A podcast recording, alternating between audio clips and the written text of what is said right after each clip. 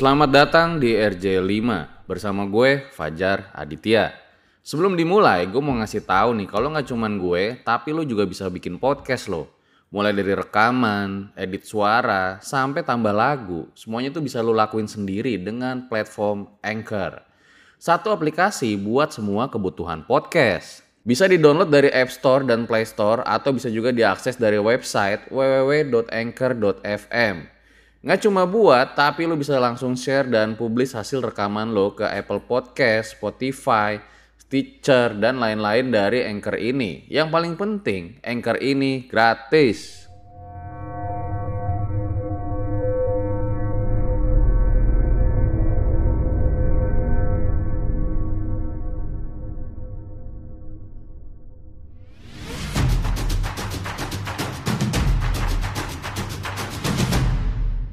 Kini Podcast Network. Kok? Jadi di situ tapi udah mulai mikir, kalau penguasa gunung itu ingin nikahin si kembang. Iya, itu. Kalau dari iniannya sih dia bilang sudah menikah secara goib dari pihak eh, apa si penguasanya itu, si panglimanya itu. Dengan mahar darah head ya. Darah headnya si kembang gitu. Benar-benar ini dalam hidup gue eh, ngelihat itu saat dia secara kasat mata untuk apa bertarung secara goib itu keluar petir bang. Keluar petir jedar ya di, di, apa, di depan nggak jauh dari tenda kita itu disuruhkan Semuanya lihat tuh. semuanya lihat. Itu posisi terang bulan. Bukan yang hujan atau apa tuh keluar petir. Duar gitu kan. Ada kilatan duar gitu. Ya mungkin itu efek dari mereka bertarung secara goib ya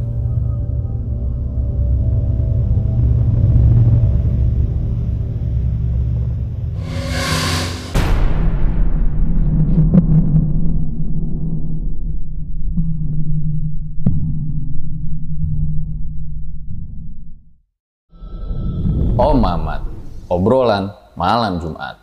Kembali lagi bersama gue Fajar Aditya. Kali ini di Om Mamat season 3. Kamu yang takut atau mereka yang lari.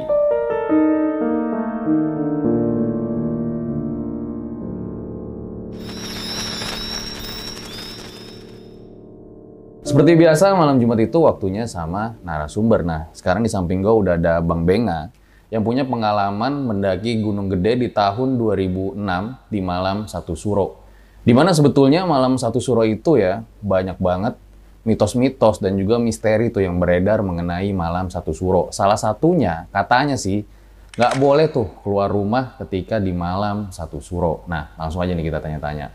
Selamat malam Bang Benga. malam bang Fajar Mendaki Gunung Gede di malam Satu Suro. Sebelumnya udah tahu belum sih Bang mengenai mitos-mitos yang beredar tuh tentang malam Satu Suro? kalau mitos sih sudah pernah dengar ya tapi untuk eh, apa ngalami langsungnya awalnya belum pernah sama sekali nah di pendakian 2006 di Gede itu baru tahu Udah denger tentang mitosnya tapi tetap lanjut berjalan saat itu. karena waktu itu pas mendaki kita nggak tahu tuh kalau itu posisi malam satu suro itu patokan kita tanggal tanggal umum aja gitu. Tapi ya balik lagi itu kan kepercayaan ya Betul. istilahnya kepercayaan orang kan beda-beda gitu. Nah katanya di pendakian itu juga temennya itu sempet diajak nikah ya. Iya, kalau diajak nikah tapi dinikahi secara goib sih. Dinikahi secara goib sama salah satu penghuni jin ya, jin sama atau panglima penguasa Gunung Gede. Jadi udah dinikahin secara goib saat secara itu. goib saat itu. Informasi yang apa kita kita tanyakan ya langsung. Wah ini gue penasaran banget sih nikahnya itu caranya gimana gitu ya. Dan katanya juga dengar-dengar selentingan sampai hari ini masih digangguin tuh temennya.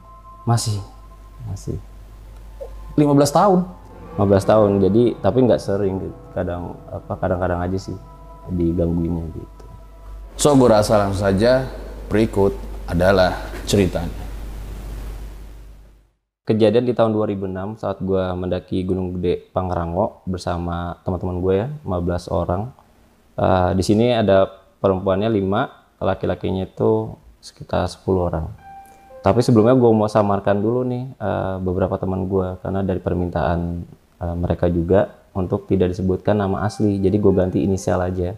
Jadi empat teman gue ini gue ganti inisialnya jadi eh, Mawar, Melati, eh, Tulip sama mungkin si kembang Ini cewek semua. cewek yang untuk korbannya gitu jadi gue inisialin dulu nggak bisa gue sebut nama aslinya Karena katanya sampai hari ini pun masih mengalami gangguan ya. Iya, si kembang ini sampai saat ini masih diganggu sama atas kejadian tahun 2006 itu.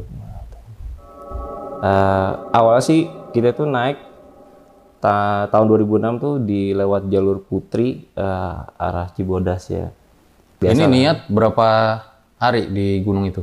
Niat sih biasa eh, dua hari satu malam. Jadi Jumat jam 12 kita mulai naik itu eh, balik ya Minggu paginya turun gitu. Oke, ini teman apa nih bang? Temen eh, ngumpul aja sih, temen ngumpul. Kebetulan Berarti saat itu masih sekolah ya? Enggak, eh, 2006 itu gue udah kerja. Oh, udah kerja. kerja. Nah, awal mulai pendakian itu kita jam 12 malam start dari jalur putri itu dari base camp. Eh, kita biasalah ngambil air di pos 1. Nah, awal tuh nggak ada kejadian apa-apa biasa. Pas di pos 3 itu yang masih lama ya, yang masih pondokan jalur lama, itu mulai ada tuh kita kayak tanda-tanda ada pohon gerak gitu sendiri. Itu sekitar jam saat setengah dua, setengah dua dini hari. Itu pohon gerak sendiri gini. Nah, temen Pohon gue apa tuh gerak? kayak dia sih kayak pohon apa ya kayak pohon jenis pinus gitu. Jadi gerak begini sendiri. Pohonnya yang gerak, Pohonnya gerak gerak sendiri. bukan daunnya. Bukan pohonnya. Pohonnya pohonnya kecil sih sekitar satu meter setengah. Jadi masih kecil pohonnya bukan yang udah gede. Yang lain nggak ada yang gerak di situ. Nggak ada yang gerak. Nah, itu. Kayak awalnya sih kita nggak mikir yang macam-macam ya. Cuma temen gue eh, bilang baik-baik ini ya. Oke. Lu lihat gitu. Oh gue lihat gue bilang gitu. Itu pohon gerak sendiri katanya. Ya udah biarin lah aja Anjir ini pohon yang gerak dong. Pohonnya gerak asli. Begini ini kayak ada yang ngoyak-ngoyak gitu. Ya udah kita eh, lanjut tuh daki mulai ya daki. Kita kan terbagi tiga apa tiga rombongan ya. Jadi yang untuk tim depan, tengah, sama belakang. Kebetulan gue tim belakang, tim sweeper gitu. Mulai daki di jalur eh, arah pos 4 tiba-tiba gue dapet kabar dari yang rombongan depan ada temen gue yang eh, si kembang ini jatuh pingsan kayak pisang gitu udah bergerak dong yang di belakang untuk segera maju ke tempat kejadian gitu. Gue datangin situ nah ternyata teman gue si kembang ini udah nggak sadarin diri gitu kan. Kan kita tanya yang ada di situ kenapa nih dia? "Ah, nggak tahu nih tiba-tiba jatuh pas apa lagi jalan gitu kan. Kita coba mau pindahin nih. Jadi coba kita geser ya maksudnya kita geser untuk jangan di jalur pendakian. Pas kita geser pertama cuma bertiga doang nih mau geser gitu kan. Pas geserin kagak kuat kagak keangkat Eh, apa kitanya yang lemes nih yang mau ngangkat? Atau ada apanya? Kan kita juga nggak nggak mikir macam-macam ya udah kita panggil lagi tuh yang yang apa? Yang lain gitu kan. Eh, bantuin dong bantuin untuk angkat gitu kan. Kita berdelapan tuh lakinya. Eh, jadi nggak semuanya bantu ngangkat. Kita berdelapan ngangkat. Kegeser cuma satu setengah meter. Wah ibarat berat itu kayak berat mobil ya. Gua anggap Itu emang orangnya gede kah? enggak Atau gimana? orangnya, orangnya perempuannya ya kecil saya setinggi paling 155 lah Ya normalnya tiga orang aja lah, bisa tiga lah. orang bisa saat dua orang juga sudah bisa gitu kan cuma ya saat itu ya anehnya itu nggak keangkatnya cuma sedikit doang karena saking beratnya gitu doang Itu saat pendakian rame pendaki lain atau enggak? Enggak, waktu itu masih baru rombongan gua aja sih yang eh, apa yang naik itu ya. Karena mungkin kita start di awal jam 12 malam gitu mungkin jarang eh, yang Dan ini jatuhnya tuh jam berapa sekitar? itu sekitar jam 2 jam 2 dini hari kejadiannya.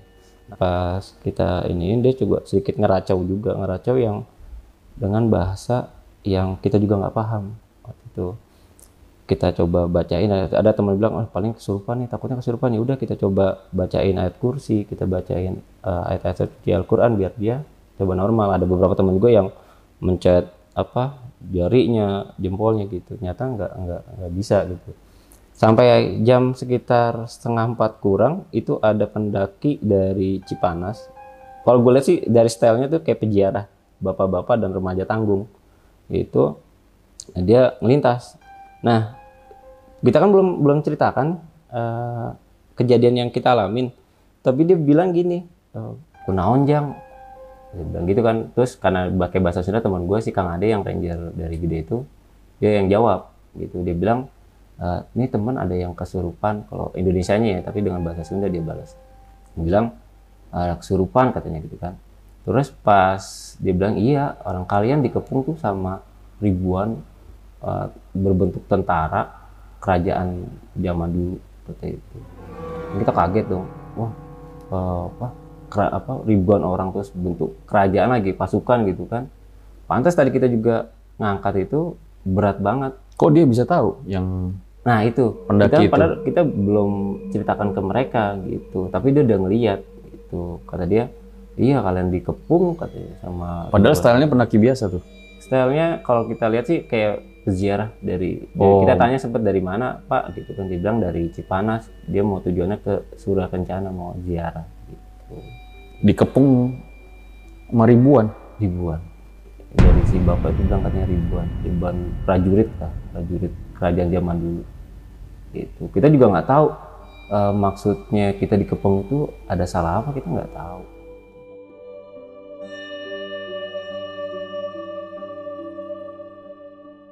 Dari situ juga dia cuma bilang gitu aja, dia mau lanjutin perjalanannya karena dia tahu itu agak susah untuk eh, nyembuhin teman kita tuh yang kesurupan gitu. Jadi dia nggak bisa nyembuhin saat itu. Enggak, dia cuma bantu bilang dia udah coba bacain ayat kursi sama Al-Qur'an aja yang. Itu. Di situ akhirnya kita putuskan untuk apa? bikin shelter sementara lah untuk istirahat. Karena kondisinya juga kan kita juga cukup dingin ya malam terus lelah, makanya kita juga bikin untuk eh, biar bisa ngisi perut lah, ngisi minum gitu, bikin kopi, bikin sarapan gitu. Akhirnya kita dirikan bentuk bivak gitu kayak dari flysheet untuk anak-anak teman-teman kita ini istirahat gitu.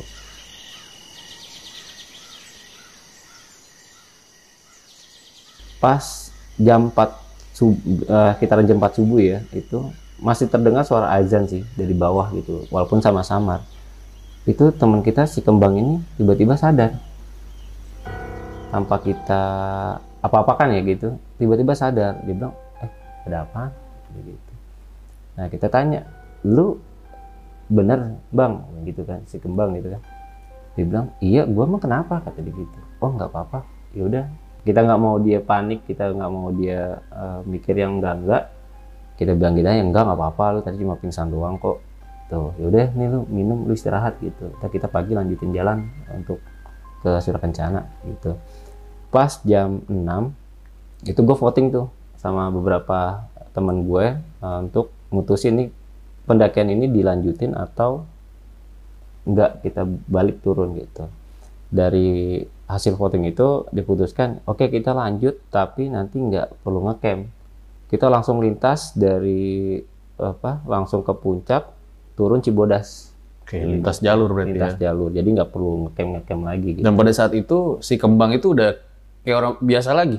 seperti orang biasa seperti orang biasa. Tapi nggak seperti biasanya dia. Biasanya kan dia agak aktif orangnya. Tapi si kembang ini agak sedikit apa kayak agak sedikit pendiam. Tapi eh, normal. Tapi nggak nggak kayak dia biasanya gitu. Kita sih nggak nggak mikir emang nggak enggak Dan ya. nggak dikasih tahu semalam tuh dia kenapa. Enggak, kita nggak kita nggak kasih tahu dia kayak gitu. Akhirnya kita lanjut eh, mulai setengah tujuh pagi itu kita lanjut perjalanan ke Surakencana gitu kan. Di sampai di Surkan itu sekitar jam 10 10 pagi. Ada yang foto-foto, ada yang ya apa bikin nyiapin untuk buat istirahat lah sama masak. Sampai akhirnya jam 12 itu kita voting tuh katanya eh Bang kayaknya ini kita ngecamp dulu deh di sini turunnya besok besok apa besok aja gitu besok pagi anak-anak fisiknya udah pada lelah gitu jadinya ya udah diputuskan kita ngecamp di Surya Kencana yang di dekat sumber air gitu. pas lepas asar setelah kita apa dirikan tenda itu kita bikin sekitar 3 sampai 4 tenda di Surken itu yang dekat mata air Lepas asar itu tiba-tiba si kembang eh, kesurupan lagi. Dia teriak-teriak, apa kayak orang racau lah gitu. Nah beberapa teman langsung ibaratnya di tenda itu nemenin si kembang ini untuk jaga-jaga jangan sampai terjadi hal-hal yang enggak enggak enggak gitu kan. Neracau apa dia? Ya meracau lah ngomong nggak nggak jelas gitu kayak Ay ngapa ya bahasa Sunda dengan bicara yang yang nggak jelas nih ke orang racau. Nah, tadi gue pikir juga apa nih kejadian yang kayak semalam lagi atau ini beda gitu kita tanya tapi jawabannya tetap bahasa yang nggak jelas takutnya dia bener hipo atau apa gitu. Tapi dari stylenya dia juga sebenarnya safety gitu kan. Untuk kayak jaket dia pakai sleeping bag dia pakai perlengkapan untuk yang naik gunung yang cukup safety gitu. Tapi ini dia ngeracau lagi gitu. Setelah itu nggak lama temen gue nih si mawar kesurupan juga. Tapi dengan eh, apa dengan sosok yang berbeda ternyata. Itu kita tahu karena saat itu kita eh, si kembang ini kan logatnya suaranya itu kayak kelaki-lakian dengan bahasa agak Sunda gitu. Nah si mawar ini suaranya kayak suara normal suara perempuan tapi eh, bukan dia. Tuh dia bilang eh, kita tanya kamu siapa? Dia bilang saya pendaki yang pernah meninggal di sini. Itu, itu cukup kaget juga kita pas di tenda satu lagi tiba-tiba terdengar teriakan lagi dari apa tenda sebelah gitu tenda kita juga mas rombongan kita.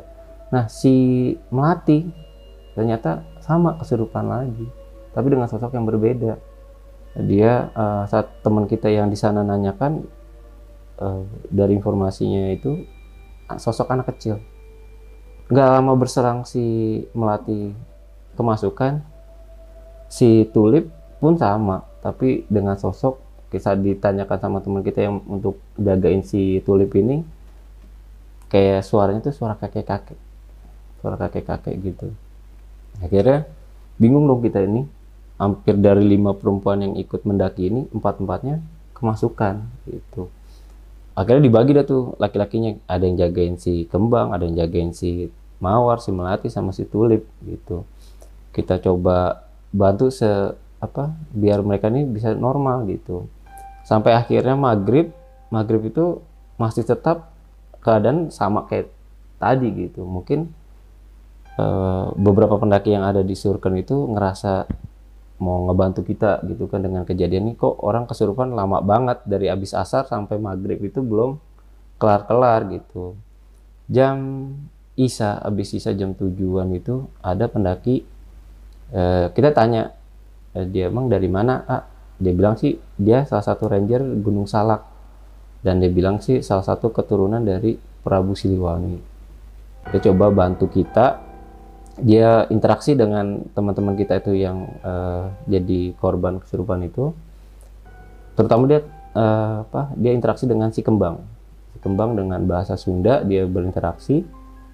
Dia dia tanya eh, kamu tuh siapa si kembang ini bilang dengan bahasa Sundanya oh, ibaratnya dia saya salah satu penguasa di sini. Gitu. oh, kamu jangan ganggu oh, ini. Ya dia bilang sih apa ya kalau Sunda itu istri saya dia bilang gitu. Kaget dong kita yang ada di situ.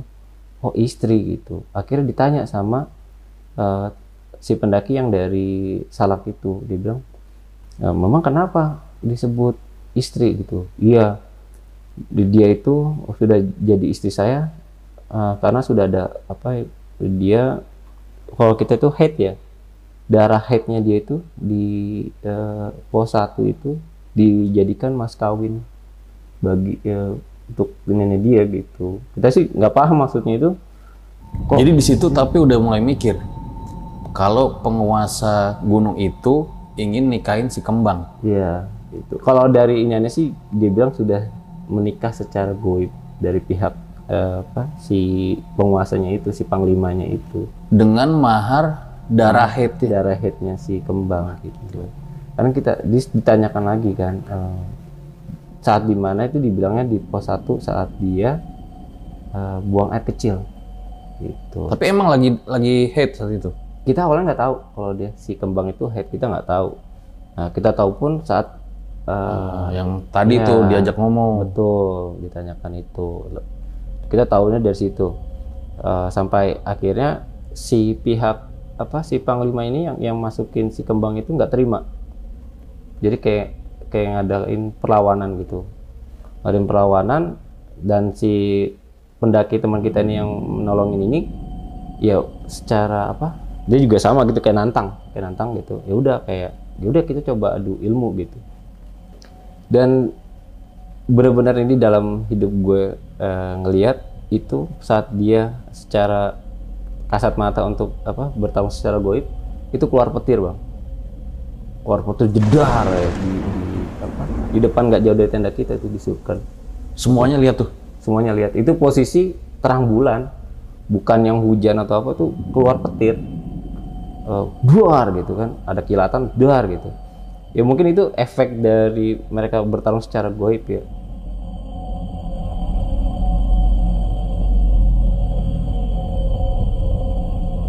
Sempat kaget gue juga shock gitu. Gue lihat benar-benar dalam hidup gue ngelihat petir petir itu ya benar-benar petir kilatan dar gitu untuk tanah. Tuh. Dan kita pikir udah selesai sampai situ. Ternyata enggak. Dan si apa dia bilang ini sosok yang cukup kuat si yang masukin si kembang ini nah di yang ada tuh lubang eh, apa kayak goa gitu di alun sungai kenyataan nggak jauh dari sumber air itu ada rombongan peziarah dari Ci Salabintana dari Cianjur Oh, ini beda lagi sama yang semalam. beda ini agak banyak pakai serban-serban putih mereka tuh dan Mungkin mereka karena malam satu suro juga banyak satu yang suro, berziarah ya. gitu. Awalnya kita juga nggak tahu itu satu suro. Kita masih belum sadar kalau itu satu suro. Gitu. Akhirnya kita bawa eh, apa di kita tanya dulu kan sama mereka, Pak, minta bantuan ini teman kita ngalamin kesurupan gitu. Segala macam. Akhirnya dari si peziarah ini bilang, "Yaudah, kalian bawa ke sini semua. Teman-teman kalian tenda-tenda kalian bawa ke sini biar kita eh, apa sembuhkan barang-barang kayak gitu."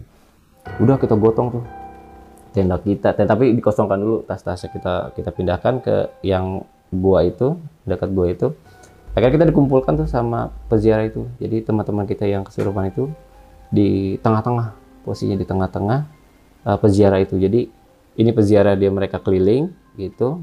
Ini teman kita yang korban empat orang ini eh, gua sama teman-teman gue yang lain yang nggak ngalamin itu yang nggak maksudnya nggak kesurupan itu di sekitarnya doang sekelilingnya doang gitu sambil ngeliatin gitu.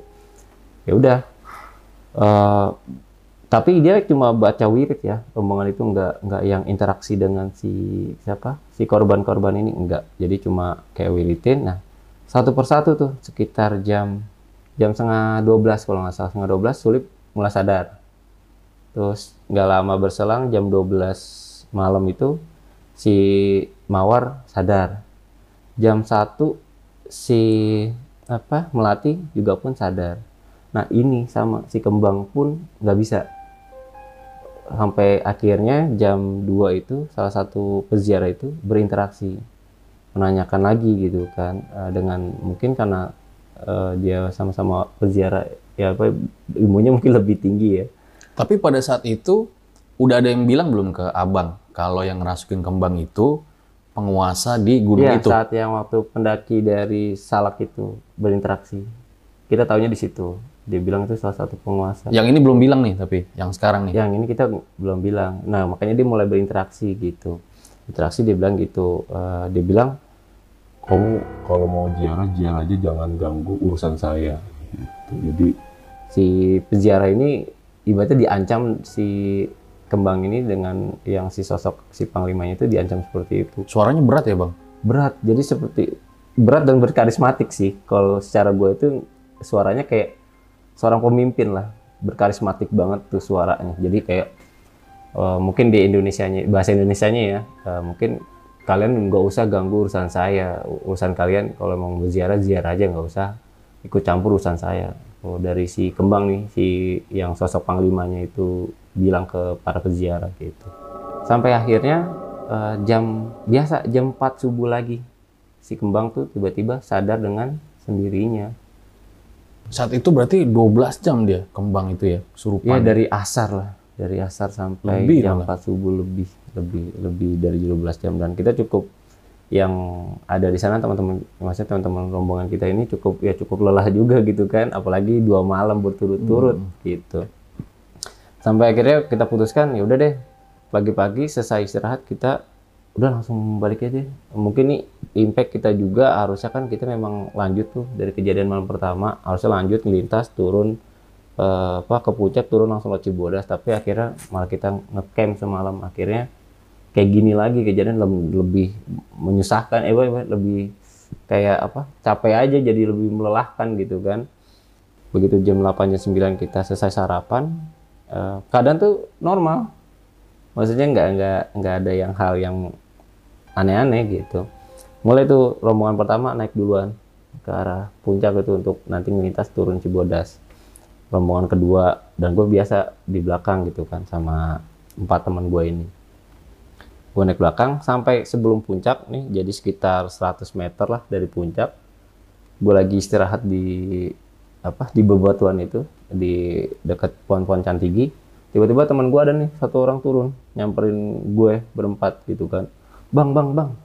Eh, si kembang sama si melati itu begitu lagi kesurupan lagi mau loncat malah ke kawah katanya. Udah lewatin sling apa sling penjagaan untuk yang di puncak gitu. Jadi dia kesurupan mau loncat ke jurang ke gitu. jurang mau loncat gitu.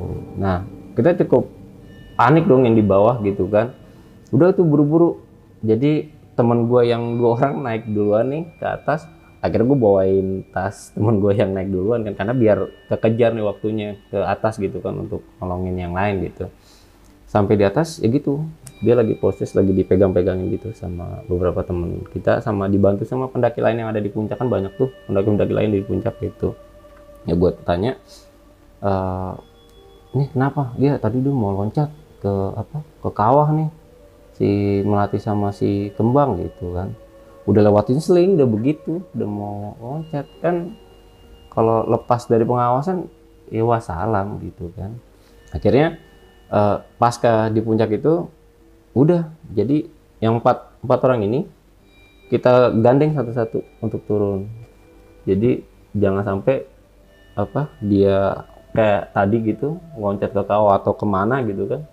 Jadi gue tuh megang si eh, tulip gue sama teman gue ini si apa Arif itu megang si tulip dan beberapa teman gue ada yang megang si kembang si mawar sama si melati gitu jadi sepanjang perjalanan turun dari puncak itu itu kita gandeng Berarti semua empat-empat itu dalam posisi kesurupan pada saat turun. Eh, saat di puncak sebenarnya dua orang tapi kita menjaga-jaga jangan sampai Oke, jangan sampai lah. jangan sampai dua orang yang lainnya itu seperti itu ya udah kita gandeng semua gitu dan memang yang gue pegang pun itu sama kayak setengah sadar. Jadi kayak bukan dirinya gitu. Padahal itu pagi posisinya ya siang lah sih sebelum siang gitu ya. Oh siang tapi kok kayak gini gitu. Udah memang sepanjang kita turun itu apalagi yang sebelum air panas. Air panas itu yang gue pegang itu itu sempat meronta-ronta. Sempat gue nggak mau pulang nggak mau pulang. Mau balik lagi maksudnya dia nggak mau pulang ke ikut kita turun gitu nggak mau mau minta balik lagi gitu. Dan pas kita ketemu sama beberapa teman di apa di base camp bawah eh, yang udah turun duluan gitu eh, si kembang si mawar sama si melati itu pas kita ketemu mereka di base camp juga informasinya ternyata si kembang ini di saat di air panas itu sempat mau loncat juga. Kan air panas itu agak jurang juga tuh kan sempat gitu juga. Jadi ya ekstra melelahkan bagi teman-teman katanya sih untuk jaga. Jadi perjalanan agak lama tuh. Kita sampai base camp bawah itu sore jam sekitar jam 5 jam 5 sore.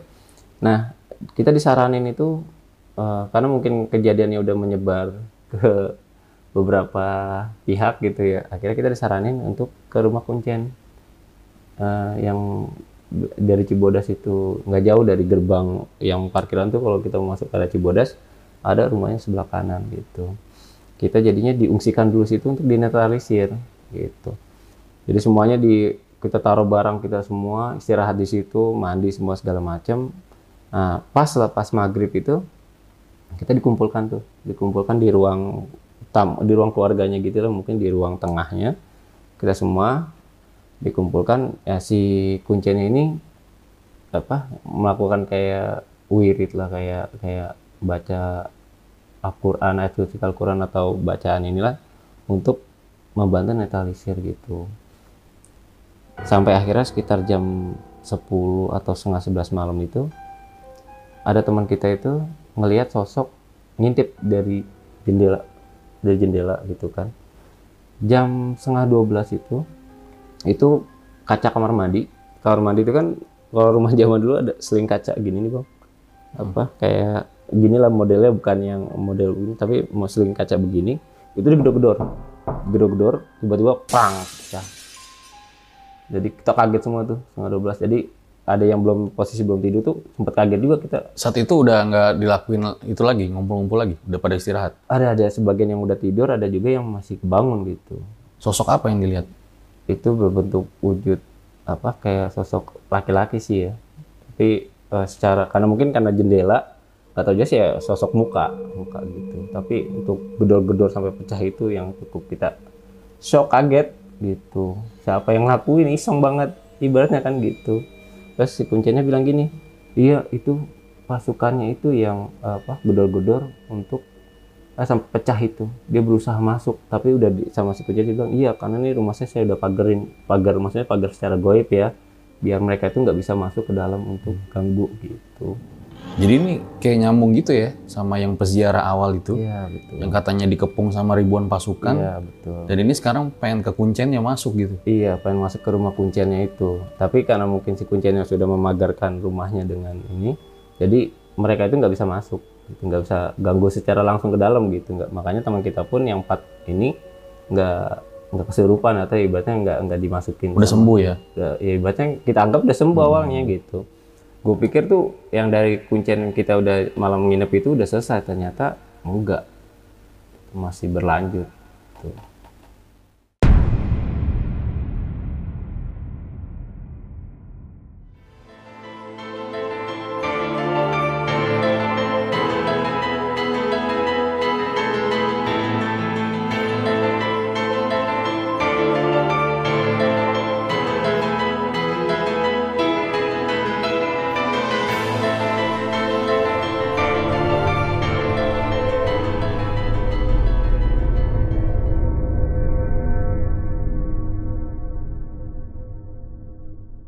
Hai, sebelum lanjut, kenalan dulu yuk sama partner misteri gua. Namanya Anchor.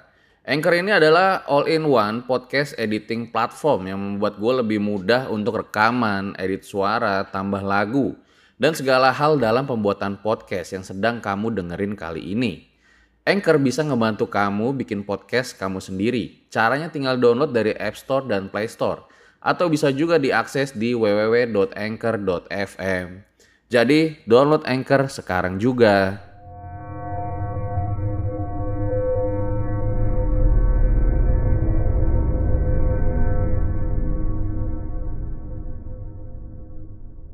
Nah, pas kita sudah bermalam di Kuncen, paginya kita putuskan nih ya kita maksudnya udah normal belum keadaan gitu kan kata si Kuncennya udah nggak apa-apa kalian boleh pulang tapi hati-hati di jalan gitu doang sih. Yaudah kita putuskan siang ada juhur jam 12-an untuk pulang. Ya, tapi yang kesurupan diajak ngobrol udah normal. Kita diajak ngobrol kita normal, yang beberapa cuma mereka cuma tahu kalau apa mereka itu kesurupan. Akhirnya tahu. akhirnya tahu ya, kita juga dia kan nanya ngapain kita pakai nginep di sini gitu kan di rumah kuncian ya kita jelasin juga kalau mereka itu bla bla bla bla gitu akhirnya ya udah kita jam 12 itu kita turun tuh untuk nyari nyegat bus lah untuk pulang ke Jakarta gitu. Yang pertigaan Plang Cibodas itu kita tunggu bus. Dapat sekitar jam setengah dua setengah dua siang itu dapatlah kita bus. Nah, untuk kita apa walaupun setelah nego-nego ya untuk pulang ke Jakarta ke kampung rambutan. Nah perjalanan pertama biasa aja tuh di bis gitu kan. Kita ya istirahat udah capek lah udah lelah gitu kita ini. Pas eh, setelah Ciloto itu tiba-tiba si kenek si kenek bis ini itu kayak orang apa kayak orang ribut ya kayak orang berantem gitu. Oh pakai bahasa Sunda. Dia bilang wah ngaing ngaing gitu pokoknya Maksudnya ribut di mana? ya nah, itu kita awalnya sih nggak ngeh juga kan karena posisi kita kan lagi istirahat gitu kan. Tiba-tiba dia kayak marah-marah si apa si keneknya itu gitu. Dan bis agak oleng. Bis agak oleng gitu. Nah, dan si supir pun sama kayak orang gelagapan gitu. Nah si kenek itu nyamperin penumpang karena kan si bis ya si kenek ini kan nggak tahu nih apa siapa nih? Dia bilang gini dia cuma bilang gini siapa yang eh, punya masalah di sini? Kata gitu. Ini kita sampai diganggu maksudnya si kenek sama si supir ini gitu. Terus eh, ki- saya jelas eh kita jelasin dong nih rombongan kita. Iya pak kita nih sebelumnya di waktu naik ke Gunung Gede kita ngalamin kejadian ini ini ini. Iya ini saya di apa badan hitam besar katanya eh, megangin saya dan si supir pun matanya diginiin kayak ditutupin gitu. Itu dalam apa diterjemahkan sama si keneknya katanya jangan bawa pulang apa eh, si A gitu. Berarti gitu jangan bawa ke bank nih si ini saya gitu. Dia nggak boleh pulang kayak gitu. Wah kita jiper dong don. Kok kita pikir waktu di rumah kuncen itu udah selesai ternyata pas kita arah pulang kejadian lagi gitu. Walaupun nggak kesurupan ya tapi yang diganggu connect sama supirnya. Cuma dibilang gini doang sama connectnya. Udah lain kali kalian tuh apa eh, hati-hati jangan jangan sembarangan waktu naik gunung gitu. Padahal kita juga nggak jelasin detail kejadian kita apa yang terjadi di gunung gitu. Kalau teman kita ini si kembang ini dinikahin secara goib sama si panglimanya gunung gede. Nggak kita jelasin kita cuma bilang iya kita ada teman kita ngalamin klima kesurupan di waktu kita naik gitu doang gitu. Tapi kuncennya sempat bilang nggak kalau dinikahin tuh? Iya, goib? sem- kuncinya tuh sempet tahu gitu. Kita tuh uh, sosok panglimanya tuh katanya sosok ular. Sosok ular, uh, panglima yang penguasa di gede itu yang yang ibaratnya yang menyukai teman kita si kembang ini. Sosok ular ular lah dan dia itu ternyata panglima. Kita juga tahu detailnya itu pas di rumah kuncen gitu. Pas Dan itu malam. benar. Dan itu benar. Karena tiga, empat lah, empat narasumber nih, ibaratnya dari pertama pendaki yang Ziarah. dari, ziarah dari Cipanas, kedua itu pendaki yang dari orang Gunung Salak itu, terus peziarah dari Salabintana, sama Kuncennya. Kuncen Cibodasnya.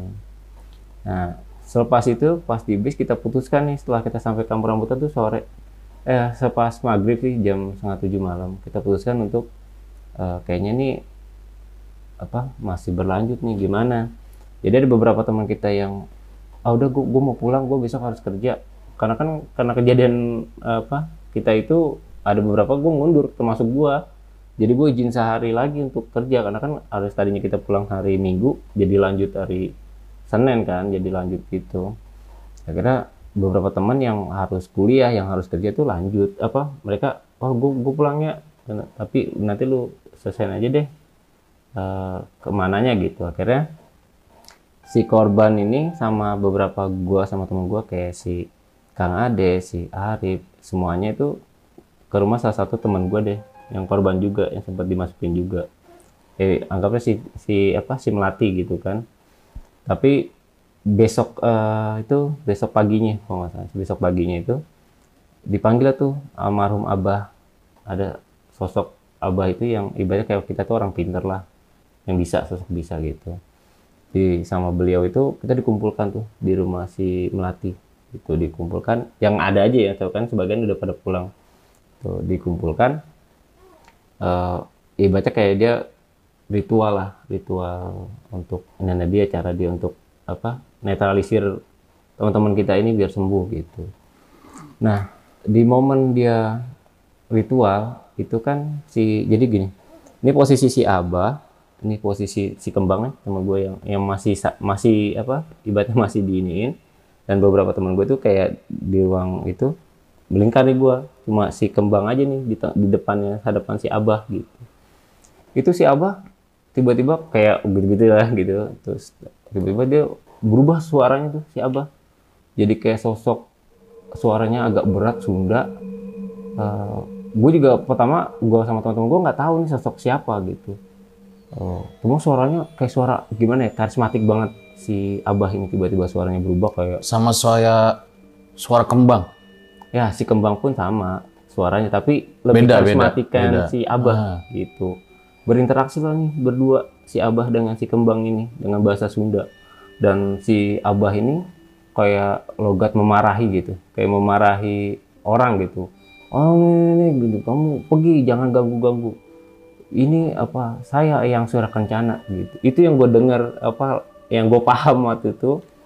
Dia nyebutin yang suara kencana itu si abah itu gitu. Kamu eh, anak buah saya jangan ganggu ganggu ini kesianan ini. Gitu. Jadi ternyata itu yang masukin ke sosok abah itu yang suara kencana. Dan si panglimanya ini ibaratnya masih anak buahnya yang suara kencana. Selepas itu nggak lama tiba-tiba si kembang blok jatuh tuh maksudnya dari posisi duduk. Nah, ini tapi sebelum dia jatuh itu dia sempat bilang gini eh, dalam bahasa Sunda ya karena kan waktu itu dia ngomong Sunda kita nggak paham nih artinya apa. Akhirnya si Abah jelasin gini itu yang tadi dia bilang sebelum dia jatuh katanya kalau kalian naik lagi ke wilayah saya ke gunung gede ibaratnya gitu kalian harus bawa si kembang. Kalau enggak terjadi ha- hal yang kalian tidak inginkan. Ibaratnya kayak gue diancam nih rombongan gue kalau gue naik ke gede lagi bakalan digangguin sama pasukannya dia sama dia juga gitu. Nah selepas temen gue itu si kembang normal maksudnya sadar ya dia bingung kayak eh kok gue di sini sih lah kita ini di mana? Gitu. Lah kita bingung dong. Lah yang selama ini kemarin selepas pasca subuh di malam pertama terus di Surya Kencana di rumah Kuncen sama termasuk di bus gitu ya. Lah itu siapa maksudnya? Kok dia baru sadar dia bilang gitu? Kita kita jelasin loh bang ini kita lagi di rumahnya sini loh. Kita kemarin habis gini-gini lu ngalamin gini-gini. Ah enggak kata dia gitu kan. Jadi si kembang ini nggak ngerasa naik gunung. Dia naik gunung tapi dia kaget waktu posisi di rumah. Jadi dia merasa masih di gunung harusnya. masih di gunung gitu. Kan kita bukannya lagi naik gunung ya. Terus kita tanya dong emang lu ngerasa naik gunung? Ala apa yang dulu alamin gitu kan? Ya gue sama sosok ganteng kata dia. Sosok ganteng Eh, ganteng itu gue diajak jalan-jalan sama naik gunung. Jadi si sosoknya ini berwujud ganteng di dalam pandangannya si kembang. Jadi si panglima ini dalam sosok si penglihatan si kembang itu sosok yang ganteng gitu. Jadi yang nemanin dia selama naik gunung gitu. Nah kan kita bertanya-tanya dong sama ini pasca subuh itu siapa? Padahal diajak ngobrol nyambung. Biasa tapi memang nggak aktif. Maksudnya nggak seaktif dia kayak biasanya. Dan dia nggak ngerasa tuh. dan dia nggak ngerasa. Dia ngerasanya jalan sama orang ganteng naik gunung. iya. Maksudnya di rombongan kita itu dia ada sosok cowok ganteng ini bareng ikut bareng kita gitu. Itu asli. Ibaratnya kayak eh yang jadi sempat kita ini kaget nah selama ini yang habis pasca subuh itu siapa? Gitu doang. Maksudnya kok dia baru bener-bener sadarnya itu ya pas yang udah di rumah teman gue itu yang kita udah di Jakarta posisinya udah disembuhin itu dia gitu. Dari situ sih menurut gue yang aduh cukup pengalaman yang naik cukup melelahkan lah ya. Karena berhari berturut-turut itu nanganin teman kita yang eh, diganggu sama makhluk goib gitu. Dan apalagi dinikahin secara goib gitu. Pasca itu pun kita tanya ke abah gitu maksudnya secara detailnya ya. Kita untuk mensinkronkan apa yang kita alamin dengan sudut pandangnya si abah gitu. Ternyata si abah bilang ya kronologisnya nih ya dari versi si abah. Eh, si kembang ini waktu di pos 1 itu buang air kecil nah saat buang air kecil itu dia darah head. Kita konfirmasi dong ke si kembang emang lu bener lu head pertama di eh, pas lu buang air kecil?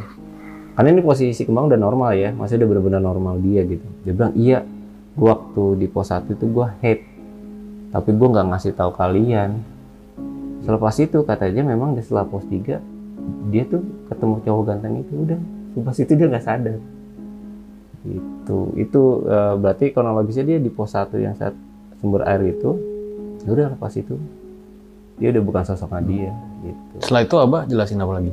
jelasin itu ya itu yang apa gangguin kita dikepung prajurit itu memang itu anak buahnya si panglima itu Jin. Dan detailnya itu berbentuk ular. Sama dengan apa yang digambarkan oleh eh, yang sudah sudah kuncen juga kayak gitu. Kenapa agak sulit untuk di eh, lepasin dari tubuh si kembang ini ya karena dia eh, sosok panglima ya. Panglima berarti kan sosok yang apa yang gagah lah di, di dunia mereka gitu. Dan ternyata sampai saat ini pun ternyata si kembang masih diganggu. Kita pikir udah udah belasan tahun udah peristiwa ternyata sampai saat ini masih. Walaupun nggak kayak waktu itu ya tapi hanya sekali sekali itu sih informasi yang gue dapat karena gue juga masih komunikasi sama sama beliau gitu kan sama mereka kayak gitu sih itu pengalaman gue yang di yang cukup masih sampai sekarang tuh melekat banget di, di tahun 2006 itu sih bang Fajar Dan apakah ini ada hubungannya sama malam satu suro dan juga gimana sih proses nikah secara gaib itu? Nah, bakal gue bahas di closing.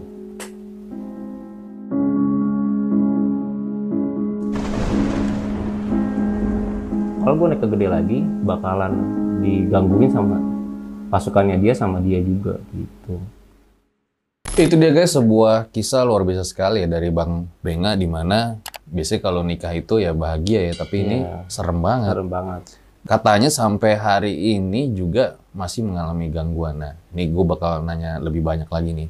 Hari ini masih diganggu juga katanya si kembang itu. kalau hari ini sih enggak ya maksudnya Maksudnya sampai hari sampai ini saat ini pun masih eh, gangguan seperti apa tuh? biasalah ngeracau gitu itu juga informasi gue dapat dari suaminya gitu kan Kesurupan juga. kesurupan gitu. tapi ya enggak yang kayak waktu itu susah keluar yang enggak jadi dia cuma masuk paling sebentar ngeracau udah atau kepala pusing berat itu aja sih gangguannya Tapi selalu sama tuh yang masukin. Iya sosoknya itu juga gitu. Dari yang awal Gunung Gede itu selalu sama. selalu sama itu sih yang yang itu karena gue masih komunikasi ya masih apa whatsappan lah gitu bersama suaminya. Terakhir kapan tuh bang? terakhir itu di belum lama sih ya kalau nggak salah itu di bulan Maret kalau nggak salah. Maret atau April tahun ini. Jadi gue dapet informasi dari apa temen gue itu dari si korban gitu. Dia bilang gue masih diganggu nih eh, sosoknya masih sering datang gitu.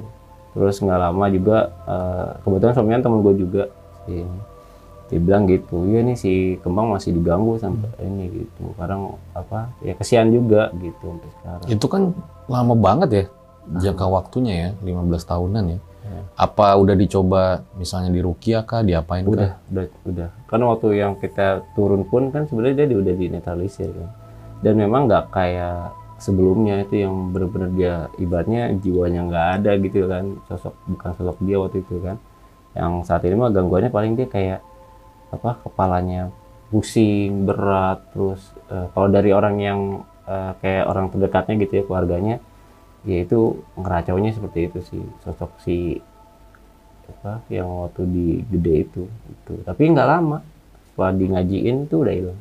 Nggak kayak waktu itu yang agak susah gitu nggak sekarang tuh agak lebih mungkin nggak nggak nggak kayak dulu deh gitu. Aja sih. Tapi ya kita kasihan juga gitu sebagai temen gitu. Maksudnya bertahun-tahun dia masih sosoknya itu masih diganggu sama si Dan itu kan sebetulnya banyak lah ya yang mendaki gitu, cewek bukan kembang doang. ya. iya betul Kenapa kok kembang yang dipilih pada saat itu ya? ya mungkin waktu itu sosoknya kalau bagi kita nih ya laki-laki mungkin dia sosok yang eh, cukup apa eh, cantik ya gitu ya mungkin bagi pandangan si makhluk halusnya itu juga mungkin seperti itu bagi ini kebetulan juga kan yang asal muasalnya dia itu kenapa diganggu itu karena headnya dia darah headnya. Waktu dia buang air kecil itu itu yang jadi ibaratnya dianggap mas kawin. Mungkin kalau bagi yang lainnya saat itu haid juga dan buang air kecil jadi ini mungkin lain juga ngalamin gitu. Mungkin karena kebetulan si kembang ini yang pas haid dan dia buang air kecil di mungkin di tempatnya yang disakralkan pihak panglima kayak gitu. Kan dianggapnya jadi mas kawin gitu Nah ini ngobrol-ngobrol Mas Kawin nih, sempet dijelasin nggak sih Bang? Cara pernikahan secara goib tuh kayak gimana gitu? Enggak sih, kalau mungkin yang kita dijelasin sama Kuncen sama si almarhum Abah juga, ya pernikahan gue di sisi yang kejadian temen gue ini ya udah, jadi pihak si pang apa si jin siluman ini ya yang menganggap ibaratnya kayak si A ini si kembang ini udah jadi istri gitu, dianggap haidnya ini mas kawinnya, jadi dari sepihak aja sih, gitu. Kalau prosesi caranya pun kita mereka juga nggak dijelasin kita juga nggak dijelasin gitu. Nggak tahu lah prosesinya kayak gimana gitu. Pokoknya taunya darahnya itu sebagai mas kawin dan dia udah nikah secara goib gitu doang sih. Dari si kuncen dari ya orang-orang yang bisa lah gitu. Itu aja sih. Dan hubungannya sama malam satu suro apa Bang? kalau yang gua dapet apa kan sempat nanya-nanya juga gitu kenapa di malam satu suro gitu? Karena memang mungkin kita di Indonesia itu ada budaya Indonesia satu suro itu yang cukup disakralkan bagi sebagian Kalangan. kalangan ya.